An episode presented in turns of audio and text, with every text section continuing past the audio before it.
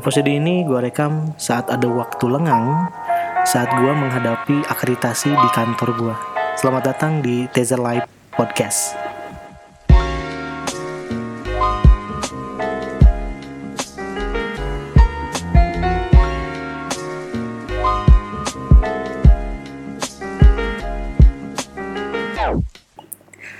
Oke, akreditasi itu jadi apa ya? Akreditasi itu sebuah legalitas, bukan legalitas ya. Pengakuan terhadap pelayanan yang diberikan terutama di kantor gua yang diselenggarakan oleh Kars. Kars itu eh, apa ya? Semacam lembaga independen gitu yang ditunjuk oleh kementerian. Nah, akreditasi itu wajib sih sebenarnya. Itu wajib per tiga tahun atau empat tahun gue lupa tuh nggak tahu aturan pastinya kayak gimana nah nanti disurvei per tahun ada survei uh, di tahun pertama kedua ketiga nanti naik lagi. Keempat tuh naik lagi ke uh, survei yang bukan survei sih mungkin uh, kegiatan yang lebih tinggi lah dari itu. Oke kita nggak ngomongin akreditasi sekarang.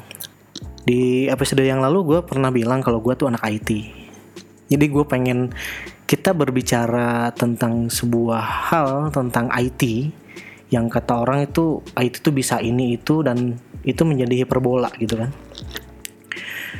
Nah sekarang gue pengen bilang bukan bilang sih gue pengen utarain keresahan gue sebenarnya IT itu kayak apa sih sebenarnya yang gue rasain tuh kayak gimana sih ini menurut gue ya men menurut perspektif gue menurut uh, subjektif gue aja jadi di beberapa yang gue pernah baca di suatu artikel nih. Jadi memang sih banyak perusahaan yang masih menganaktirikan posisi IT. Jadi mereka tuh disangkanya high cost lah atau cuman bisa ngeluarin doang lah, ngeluarin maksudnya ngeluarin biaya lah gitu. Biaya yang gede karena memang harga server tuh mahal banget ya, harga server doang mahal, belum lagi ntar investasi di masalah infrastrukturnya, komputer buat klien dan segala mahal, segala hal yang berhubungan dengan komputer, jaringan dan apalah itulah. Nah itu masih banyak banget perusahaan-perusahaan di Indonesia, termasuk di gua sendiri ngerasain ya memang itu dianaktirikan gitu. Yang gua rasa sih gitu. Karena beberapa hal yang pernah gua anggarin juga buat pengadaan alat untuk IT itu ada yang nggak bisa direalisasi akhirnya kita berjalan dengan apa adanya terus e, banyak juga perusahaan yang hanya menganggap bahwa IT itu hanya sebagai pelengkap saja. Oh ini harus ada IT-nya nih. Itu cuma pelengkap doang makanya kita nggak diperhatiin. Balik lagi ke awal tadi bahwa kita di IT itu sering dianaktirikan gitu kan. Nah yang jadi masalahnya orang IT itu jarang dihargai tenaganya sebenarnya. Eh sorry sorry. Orang IT itu kurang di, dihargai di skillnya. Padahal ya tahu sendiri mereka tuh belajar tentang hal tentang kemajuan teknologi, tentang hal-hal yang berhubungan teknologi, itu fokus di situ. Tapi itu kurang dihargai. Yang dihargai hanya hanya tenaganya aja. Misal, kalau ada yang kerusakan nih, dibenerin. Nah, itu yang ngebenerinnya itu yang dihargain.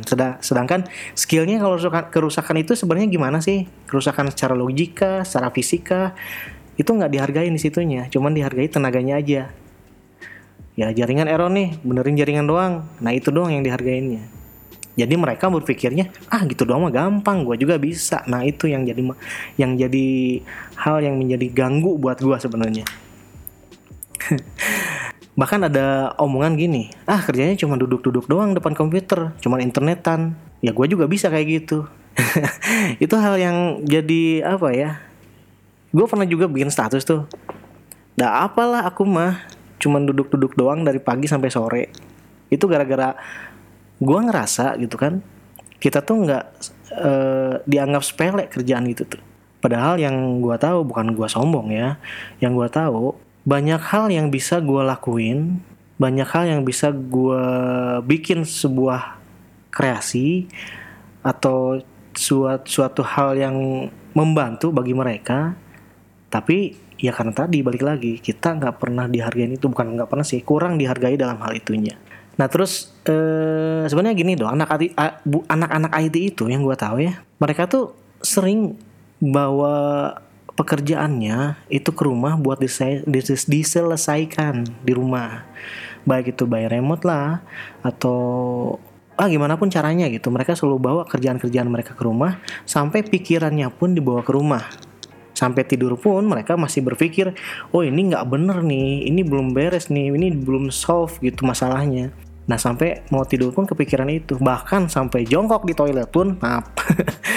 Itu sampai kepikiran ini harus digimanain sih? Kalau kalau ada masalah kayak gini.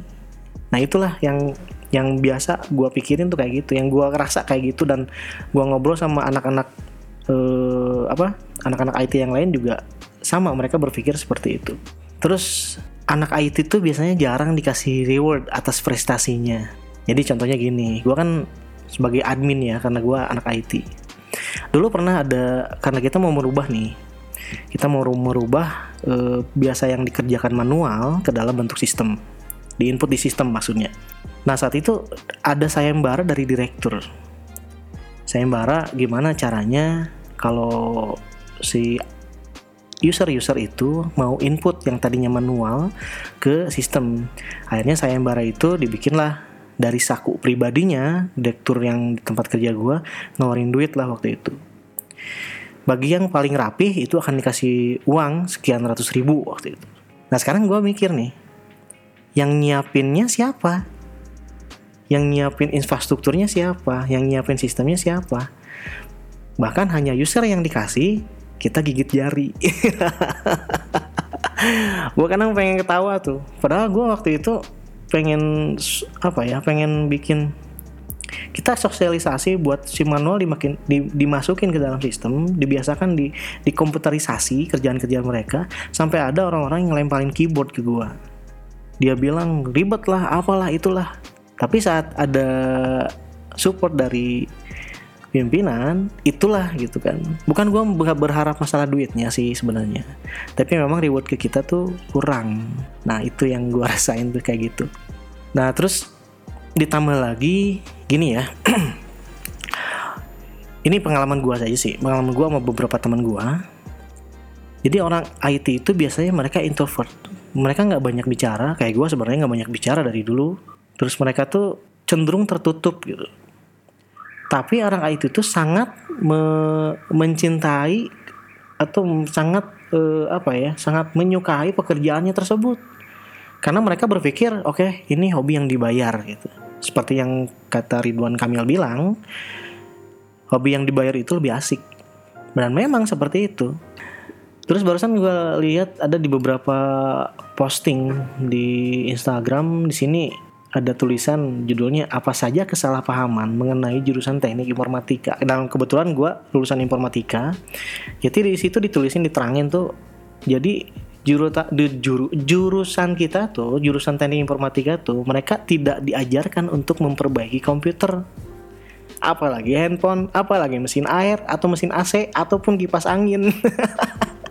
Karena memang kalau kalau udah masuk ke lapangan ya ke ke masyarakat gitu, kita tuh sering disuruh buat ini mesin air saya rusak benerin dong bisa bantu nggak? Gitu kan. Ini HP saya error nih gimana nih ya? Bisa benerin nggak? Ini LCD-nya kok jadi ngegaris gini gitu. Nah ini sekalian nembok rumah deh gitu kan bisa nggak? Gitu sekalian aja ke sana anjir. Dan memang itu hal-hal yang bikin gua ah gitu kan. Aduh gimana sih ini? Gitu kan. Mau, mau nerangin kalau itu bukan keahlian gua mereka kadang wah sombong lu nggak mau direpotin atau apalah gitu kan Nah memang eh, kebanyakan dari mereka itu hampir hampir ah, nggak mungkin sekitar 50% sampai 70% tuh mereka minta bantuan kita mereparasi itu jadi contoh gini lah. Gue pernah ngalamin tuh ada HP dia HP-nya lemot banget gitu. Pas dilihat HP-nya jadul gitu kan. Mau buka WhatsApp juga lama banget gitu. Bisa nggak dicepetin katanya gitu kan? Eh kita mau bilang ini HP-nya harus diganti gitu. Tapi takut gimana dia nggak punya duit gitu kan secara gue tau lah gimana tuh orangnya gitu kan. Terus ada yang nanyain juga ini kameranya kurang bersih bisa nggak dibersihin? gitu kan. Hasil jepretan kameranya maksudnya mungkin ya. Bisa nggak biar secerah HP yang itu? gitu kan. Secara itu HP-nya beda jauh lah mereknya terus tahun pembuatannya juga beda jauh. Dan gue nggak bisa ngapa-ngapain waktu itu. Anjir gue jadi ketawa sendiri. Nah itulah gue yang pengalaman gue jadi anak IT itu seperti itu. Terus banyak orang yang ngira kalau anak IT itu mereka jago jago di misalkan ini nih Bray gue putusnya sama pacar gue bisa ngeretas atau ngehack IG apa Instagramnya nggak? What? Gitu kan. Atau bisa ngehack Facebooknya nggak Twitternya nggak atau sekalian aja hack Google gitu kan sekalian anjing security mereka tuh mungkin lebih bagus dari yang pernah gue pelajari. Sedangkan di kampus sendiri kita tidak pernah belajar untuk menjadi seorang hacker. Kita hanya belajar untuk masalah jaringan, itu pun jaringan lokal. Mungkin di sini tahu kan kayak lokal area network atau sebutnya LAN. Kalau bilang LAN, oh jaringan LAN-nya, nah itu kita hanya belajar mengkoneksikan komputer yang ada di depan gua dengan komputer yang jauhnya nggak sampai 100 meteran. Terus kita bikin supaya nyambungin beberapa komputer yang ada di depan gua itu nggak lebih jauh dari 10 meter jaraknya. Itu yang kita pelajari di kampus. Sedangkan kita harus bisa kita dimintain tolong untuk ngehack IG lah, ngehack Facebook lah, ngehack Twitter lah. Lah kita siapa? Oh gue lupa lu kan anak IT nah itulah memang jadi sebuah keresahan buat gua gitu kan anak IT itu seperti itu. Nah ada lagi nih ada lagi. Temen gua Hadian itu kan dia orang desain tuh. Dia orang desain grafik. Gua pernah ngobrol sedikit ternyata memang beda mata kuliah desain grafik dengan mata kuliah teknik informatika. Sepengalaman gua banyak orang-orang yang pengen dibikinin desain kaos, desain rumah, bahkan desain apa citra citra apa namanya tuh citra udara gitulah. Harus pakai drone gitu. Terus dipoto dibikin skalanya segala macamnya. Kan gua nggak tahu. Kita nggak pernah belajar belajar hal itu. Belajar multimedia pun kita cuma belajar flash doang. Atau bikin gambar di Photoshop gambar-gambar sederhana ya itulah. Ya banyak seperti itu ya. Kalau mungkin hal-hal hal-hal yang uh, mudah mungkin bisa basic-basicnya doang mungkin gue bisa bikin. Contohnya kemarin bini gue bikin eh apa minta dibikinin desain kaos dong gitu kan buat tempat kerjanya. Ya gue ya udah gue bikin desain kaosnya. Kalau sederhana mungkin bisa. Tapi kalau sampai kita bikin e, contoh spanduk, pamflet atau apa pun itu yang ada gambar animasi segala macam, gua nggak bisa ke sana. Teknik informatika tuh difokuskan buat kita tuh bikin suat jadi apa ya? Ya minimal jadi programmer lah gitu. Karena kita banyaknya belajar bahasa pemrograman. Aduh, ah jadi bingung gua ngomong apa lagi. Nyesek asli. jadi gini, bahkan gini ya, yang gue jadi bukan heran sih, yang gue lihat gitu kan, lihat gue lihat sendiri, banyak orang-orang yang lulusan teknik informatika itu kita nggak dipastiin bahwa keluar dari jurusan informatika itu kita bisa jadi seorang programmer handal. Banyak orang-orang yang lulus IT gitu, banyak orang-orang yang lulus IT bahkan dia tidak bisa sampai install ulang komputer. Itu banyak banget teman-teman seangkatan gue juga banyak dan yang baru-baru lulus sekarang juga itu banyak banget yang kayak gitu. Gue ulang ya orang yang lulus jurusan teknik informatika belum bisa dipastikan bahwa mereka bisa jadi seorang programmer. Tergantung mereka mau belajar atau tidak. Walaupun memang mata kuliah tentang program programming itu itu banyak banget. Dari semester awal sampai semester akhir itu ada. Nah di situ kembali ke pribadi masing-masing sebenarnya dia mau belajar kah atau tidak? Dia mau usaha kah atau, atau tidak memahami, memahami sebuah bahasa pemrograman atau algoritma atau apa pun itu? Atau misalkan dia pengen ah gue pengen belajar tentang SQL doang gitu. Itu tergantung tergantung ke pribadi masing-masing. Ada juga orang yang paham tentang tentang apa? Paham tentang SQL struktur query language atau SQL lah bahasa-bahasa yang select all titik eh, apa bintang apa-apa bla bla bla. Tapi mereka nggak paham tentang bahasa pemrograman. Adapun yang dia bisa bahasa pemrograman tapi pas waktu bikin uh, query di databasenya dia langsung pakai viewer yang di generate langsung. Ada yang seperti itu. Termasuk orang-orang jaringan komputer ada juga yang memang fokus di jaringan komputer dia nggak bisa pemrograman. Adapun yang bisa pemrograman tapi dia nggak bisa di jaringan komputer. Ada yang memang memahami kesemuanya itu tergantung ke pribadi masing-masing. Ada beberapa orang yang gua kenal juga dia memahami hampir semua metode-metode tentang komputerisasi dari mulai eh, bahasa pemrograman, dari mulai jaringan, dari mulai uh, eh, SQL, database, analis dan lain-lain. Ada juga mema mema yang memahami itu. Uh, udah beribet ngomong gua. Ya hujan. Ini gua rekam sore ya setelah uh, kegiatan akreditasi di hari pertama tanggal 4 September nih. Gua rekam sore. Tadinya gua mau rekam podcast dulu tapi keburu hujan. Nah, gua pulang gimana? Cuman bawa motor. ya paling nunggu hujan aja paling. Oke, kita lanjut nih. Nah, lulusan informatika sebenarnya lulusan informatika itu tidak apa ya, tidak dipastikan juga dia dapat kerja dengan mudah. Karena memang ada paradigma yang dibuat di beberapa tahun ke belakang, itu waktu gua SMA, itu banyak yang bilang, "Oh, nanti dunia mulai ke komputerisasi." Jadi dunia apa? Orang-orang informatika dibutuhkan. Akhirnya orang-orang berbondong-bondong lah kuliah di informatika dan lulus bareng. Nah itu jadi saingan. Banyak banget saingannya. Kebetulan waktu gue lulus uh, kuliah kan gue udah kerja ya. Gue kerja dulu terus kuliah.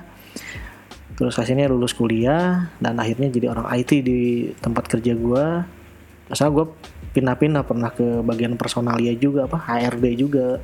Sebelumnya pernah di humas juga. Sebelum itu gue pernah di bagian pelaporan dan akhirnya di tahun 2011 gue pindah ke bagian IT nah itu eh, tentang IT tuh kayak gitu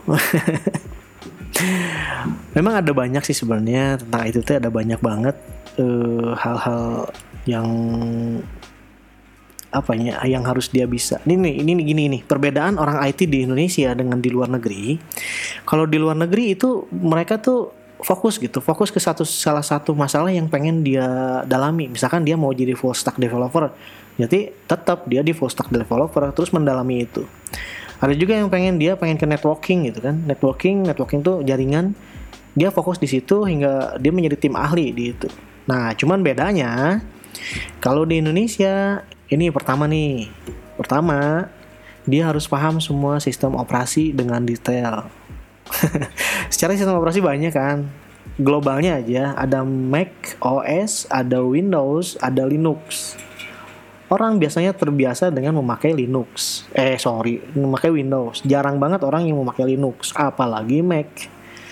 Kalau Mac OS itu kan ya kita harus beli hardwarenya lah mahal walaupun kita bisa bikin Hackintosh dan itu sulit banget. Terus orang IT di Indonesia yang kedua itu harus menguasai HTML, PHP, Ajax, MySQL dan database dengan baik. What gitu. Bahasa pemrograman nggak hanya itu mungkin ya. Nah terus ada lagi itu harus menguasai server. Nah ini beda lagi nih. Install server itu nggak kayak install install apa ya? Nggak kayak install OS buat di PC biasa gitu. Cuma masukin CD, install OS sudah running semua 100% update update update install driver beres. Nggak kayak gitu bambang. Itu bisa seharian loh kita install server itu. Kita harus uh, apa memanage semuanya di server itu. Contohnya gini kalau kita pengen bikin domain server aja. Itu domain server kan diinstal tuh kita bikin domainnya dulu bikin nama domainnya apa apa bla bla bla sampai terakhir kita bikin user password buat klien supaya bisa join ke domain kita dan terus panjang banget sampai akhirnya itu server udah siap. Itu bisa sampai sehari dua harian baru bisa. Terus orang IT itu harus menguasai jaringan. Nah itu gue pernah bahas tadi kan. Nggak semua orang yang paham nggak semua orang yang keluar dari dunia IT dari kuliah di dunia IT itu bisa jaringan. Terus kita juga harus paham tentang troubleshooting hardware dan software. Terus kita juga harus menguasai hacking dong dan cracking. Ini gue sambil baca artikel ya. Terus kita juga harus bisa menguasai eh, apa? Bukan menguasai, kita harus tahu harga hardware gitu kan. What? Emangnya kita katalog berjalan apa gitu kan? Memang itu banyak sih sebenarnya. Itu, itu banyak banyak apa banyak orang yang nanya sama gua. Kalau harga HP ini berapa sih gitu kan? Ya kalau laptop ini berapa sih? Dan lucunya saat kita ngasih harga, uh mahal ya gitu kan. Nah, walaupun mereka bilang mahal, tapi mereka punya duit dengan spek yang tinggi, dia pengen spek tinggi pokoknya. Beli laptop lah harganya 10 juta, 11 juta. Dipakai cuman Word Excel doang. Anjir sayang resource dong.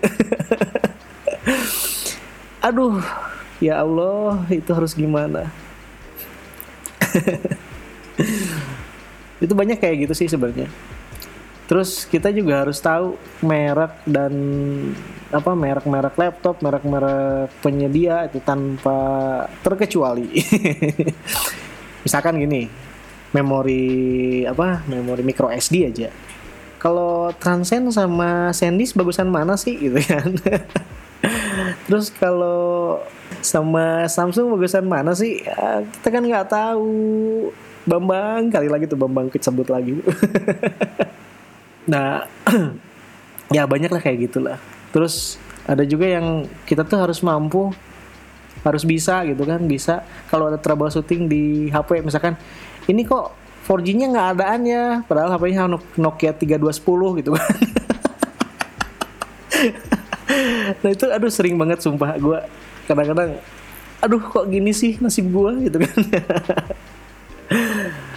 Nah banyak hal yang lain lah. Contohnya misalkan aduh sumpah capek gue ketawa. Banyak juga hal yang lain lah. Contohnya kita harus menguasai Corel, Photoshop, 3D Max dan lain-lain. Sedangkan kita kuliah di teknik informatika bukan di desain grafis. Ya semacam itu banyak sih. Kayak misalkan oh pernah gini gua kan waktu itu ada perlombaan senam tuh. Di apa antar kabupaten gitu antar tempat kerja lah gitu antar instansi gitu. Nah waktu itu eh, ada temen kerja gua senior sih senior gua yang bilang tolong editin lagu gua dong buat senam gitu kan atau bikinin lagu gua dong buat senam.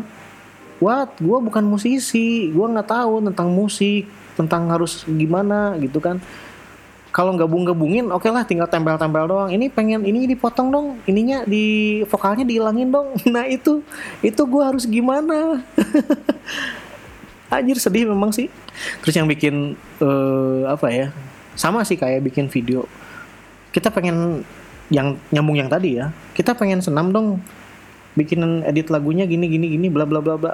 Oke okay, gue sanggupin deh gitu kan. Sanggupin dengan semua yang gue bisa dan oke okay, jadi itu lagu. Nah sekarang ada teman lain. Tolong bikin videonya dong. Nanti kita lagi senam videoin terus masukin yang lagu yang tadi terus diindah-indah videonya. Ya Allah. Ya gitulah. Nah ada lagi yang lain nih. Ini menyangkut tentang security system. Rata-rata kan di Indonesia itu rata-rata untuk kalangan kami lah untuk kalangan awam itu mereka nggak pernah beli atau nggak pernah update antivirus sedangkan kalau pakai Windows itu wajib hukumnya pakai antivirus kecuali kalau kita advance dan kita punya kehati-hatian yang tinggi tidak sembarang klik-klik-klik yang ada di iklan-iklan di web apa di browser itu mungkin kita bisa aman tapi ada kalanya orang yang nggak tahu itu main klik aja akhirnya terkena virus. Nah mereka nanya dong, itu kena virus apa? Saya nggak tahu mbak. Kok nggak tahu kan anak lo anak IT. Jadi kasarnya tuh kita tuh harus tahu jenis-jenis virus tuh kayak eh, apa aja sih gitu. Jenis-jenis virus tuh apa aja. Yang mereka tahu kan cuman virus doang. Ada juga worm, ada juga yang lagi marak sekarang tuh apa namanya yang bisa bisa nge-encrypt semua file yang harddisk kita tuh malah gue lupa lagi lah nah seperti itulah apalagi ini gue lucu banget nih di sini ada tulisan mampu mereparasi kelistrikan. gue bukan orang teknik listrik, bukan juga orang teknik elektro. ya gitulah pokoknya. ah, dan kita tuh dituntut untuk mampu mengendalikan emosi saat semuanya menjadi kacau. Nah itu, itu yang menurut gue yang paling susah. Halo, rekan-rekan semua, akang-akang, teteh-teteh, bapak-bapak, ibu-ibu. I'm not a Superman. Tapi emang itu kenyataannya sih. Takdir jadi seorang anak IT itu jadi manusia super. Dan kata teman gue bilang, anak IT itu dewa setengah manusia atau manusia setengah dewa. Ah, gue nggak tahu lah. Aduh, ya itulah. Bukan gua sombong ya bukan gua sombong. Bukan gua sombong gimana gitu orang itu tuh gimana. Justru gua di sini mau mengklarifikasi bahwa keahlian anak IT itu kayak dokter spesialis. Contohnya gini gua anak teknik informatika suruh ngebenerin tek apa eh, kelistrikan rumah itu sama halnya dokter penyakit dalam dokter spesialis penyakit dalam itu suruh ngebedah. Nah kayak gitu. Jarang banget kan yang ada dokter spesialis dalam itu harus ngebedah pasien. Biasanya dia nanganin untuk yang kasus-kasus penyakit dalam kayak batuk demam diabetes paling parah lah. Sekarang dia harus ngebedah pasien usus buntu atau Ilyes lah atau apa pun itu pasien-pasien bedah kan dia nggak mungkin sih masuknya malpraktek. Untung aja di IT nggak sebut malpraktek. Kita ngebenerin kelistrikan rumah. Nah itulah mungkin se segelumit dunia IT itu kayak gitu gitu. Ada lagi nih gue punya pengalaman nih. Gue punya pengalaman dulu di tempat kerja gue tuh ada sebuah sistem yang memang dibuat udah lama gitu. Sistem itu dibuat tahun 2003 terus di terus dikembangkan di diperbaiki sampai akhirnya di 2007 kita ganti konsultan. Terus di tahun 2011 itu mulailah kita e, ngebalik keadaan ngebalik se semua perhitungan itu pakai sistem. Nah alhamdulillah waktu itu tunjangan-tunjangan pada naik semua karena kita menggunakan sistem gitu kan. Nah di saat itu eh, kontrak dengan konsultan udah habis tuh. Bukan kontrak sih kerjasama mungkin tidak dilanjutkan di tahun 2012 cuman konsultan memang apa ya eh, ngasih keleluasaan ke kita buat ngembangin itu aplikasi. Nah akhirnya kita cobalah gitu kan nego bukan nego sih kita buat bilang ke pimpinan gimana kalau gitu tapi nggak ada respon waktu itu. Nggak ada respon ya ini terbengkalai lah itu lama terus lam, lama sehingga sampai tahun 2012 eh apa 2014 ada pengadaan lagi. Cuman waktu itu penyediaannya nggak bener. Di 2014 itu penyediaannya kabur. Dan pekerjaannya nggak nggak tuntas. Aplikasi yang dibikin acak-acakan juga.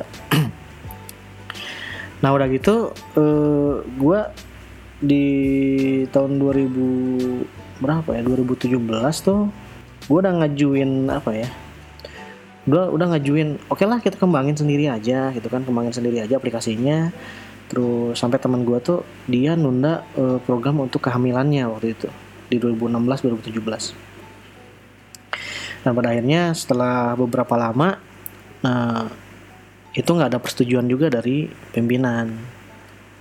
Timbullah eh adalah beberapa perusahaan yang masukin sistemnya ke perusahaan gue dan itu langsung diterima itu langsung diterima padahal gue udah bilang teknologi kita belum siap untuk mengaplikasikan aplikasi yang baru ini yang masuk. Nah kita berdebat panjang waktu itu hingga akhirnya itu jadilah diterimalah dipakailah diimplementasikanlah di tempat gue kerja. Mulai dari situ karena gue masih gue masih marah lah gitu kan masih marah kok gue pengen ngembangin sendiri kok nggak boleh. Sedangkan ini yang masuk juga infrastruktur kita belum siap buat ini. Belum lagi penyesuaian dengan keadaan yang di kita. Itu butuh beberapa waktu. Gini ya gini ya. Sistem itu nggak bisa dibikin secara instan. Jadi karena sistem itu dibuat dari bahasa pemrograman. Gini aja lu nggak bisa bahasa Inggris terus lu coba untuk bisa bahasa Inggris itu dalam satu hari bisa nggak kira-kira? Dan setelah lu bisa bahasa Inggris itu, lu juga harus paham bahasa Rusia misalkan. Nah kayak gitu. Jadi sistem-sistem komputer yang lu pakai, sistem-sistem yang komputer yang lu pakai gunain Excel, Word itu udah jadi. Di belakangnya itu bahasa pemrograman semua. dan bikin sebuah program itu nggak kayak kita ngetik di Word atau kita ngitung di Excel. Nah itulah sampai sampai akhirnya itu sistem diimplementasi di kita dan mas sekarang masih butuh waktu untuk pengembangan lebih dalam, pengembangan lebih sesuai dengan yang kita butuhkan. Atau kita runut lagi ke belakang, sistem yang kita yang ada sebelumnya itu dibuat dari tahun 2003 dan baru diimplementasikan secara total di 2011. Itu berapa tahun? Sedangkan sistem yang sekarang udah ada sistemnya, template-nya udah ada, tapi harus di customize lagi yang menurut gue sih bukan di customize ya itu dikembangkan lagi sesuaikan dengan keadaan yang saat ini dibutuhkan. Itu nggak mungkin terjadi dalam waktu satu tahun dua tahun tiga tahun atau empat tahun. Ya jadi curhat gue ya. Tapi memang itulah yang terjadi. Itu yang terjadi di dunia IT jadi ya gitulah. Jadi dunia IT itu itu hal yang cukup spesifik sebenarnya tapi dibikin diperbola hingga meluas ke mana-mana hingga gue tuh harus hafal kita tuh harus hafal tentang apa pun dengan apa ya dengan jenis apa pun alatnya. Mau mesin air kayak mau mesin AC mau listrik. Sekali aja gue bisa berdiri pesawat terbang. Aduh ya Allah. Oke mungkin uh, itu sih yang pengen gue sampaikan tentang keresahan keresahan ini keresahan dong itu unek-unek gua uh, bukan unek-unek sih itu kenyataan hidup. Takdir itu namanya. Nah sebagai perbandingan nih perbandingan gue mau tanya anak-anak atau lulusan-lulusan dari jurusan lain. Rencana gue mau uh, ngobrol sama temen gue si Hadian itu karena dia kan lulusan sarjana desain grafis. Nah gue pengen tahu tuh di desain grafis sama juga kayak gitu. Atau mungkin ada teman-teman yang lain yang teman gue banyaknya juga ada perawat juga ada sarjana akuntansi juga gitu. Gue pengen tahu sebenarnya kalau apalagi jurusan-jurusan non matematik lah gitu kan. Karena jurusan teknik jurusan desain itu memang belajar matematiknya banyak tuh. Nah ini yang pengen gue tanya yang non matematik kayak misalkan perawat bidan sarjana bahasa apalagi mungkin gue pengen tanya-tanya itu nanti ke teman-teman yang lain yang bakal gue jadiin narasumber buat podcast gue kayak kali ini. Eh buat podcast gue nanti. Oke mungkin segitu dulu guys. Sekarang udah maghrib nih. Gue juga harus sholat dulu Terus pulang. Ya sedikit nunggu hujan mungkin. Sampai agak reda Gue mau langsung pulang. Dan barusan juga gue lihat WA di rumah katanya mati lampu. Sebenarnya bukan mati lampu Listriknya yang mati lampunya ikut mati. Udahlah oke okay, segitu dulu. Eh ada lagi nggak ya? Nggak deh kayaknya. Oke okay, mungkin segitu dulu guys. That's all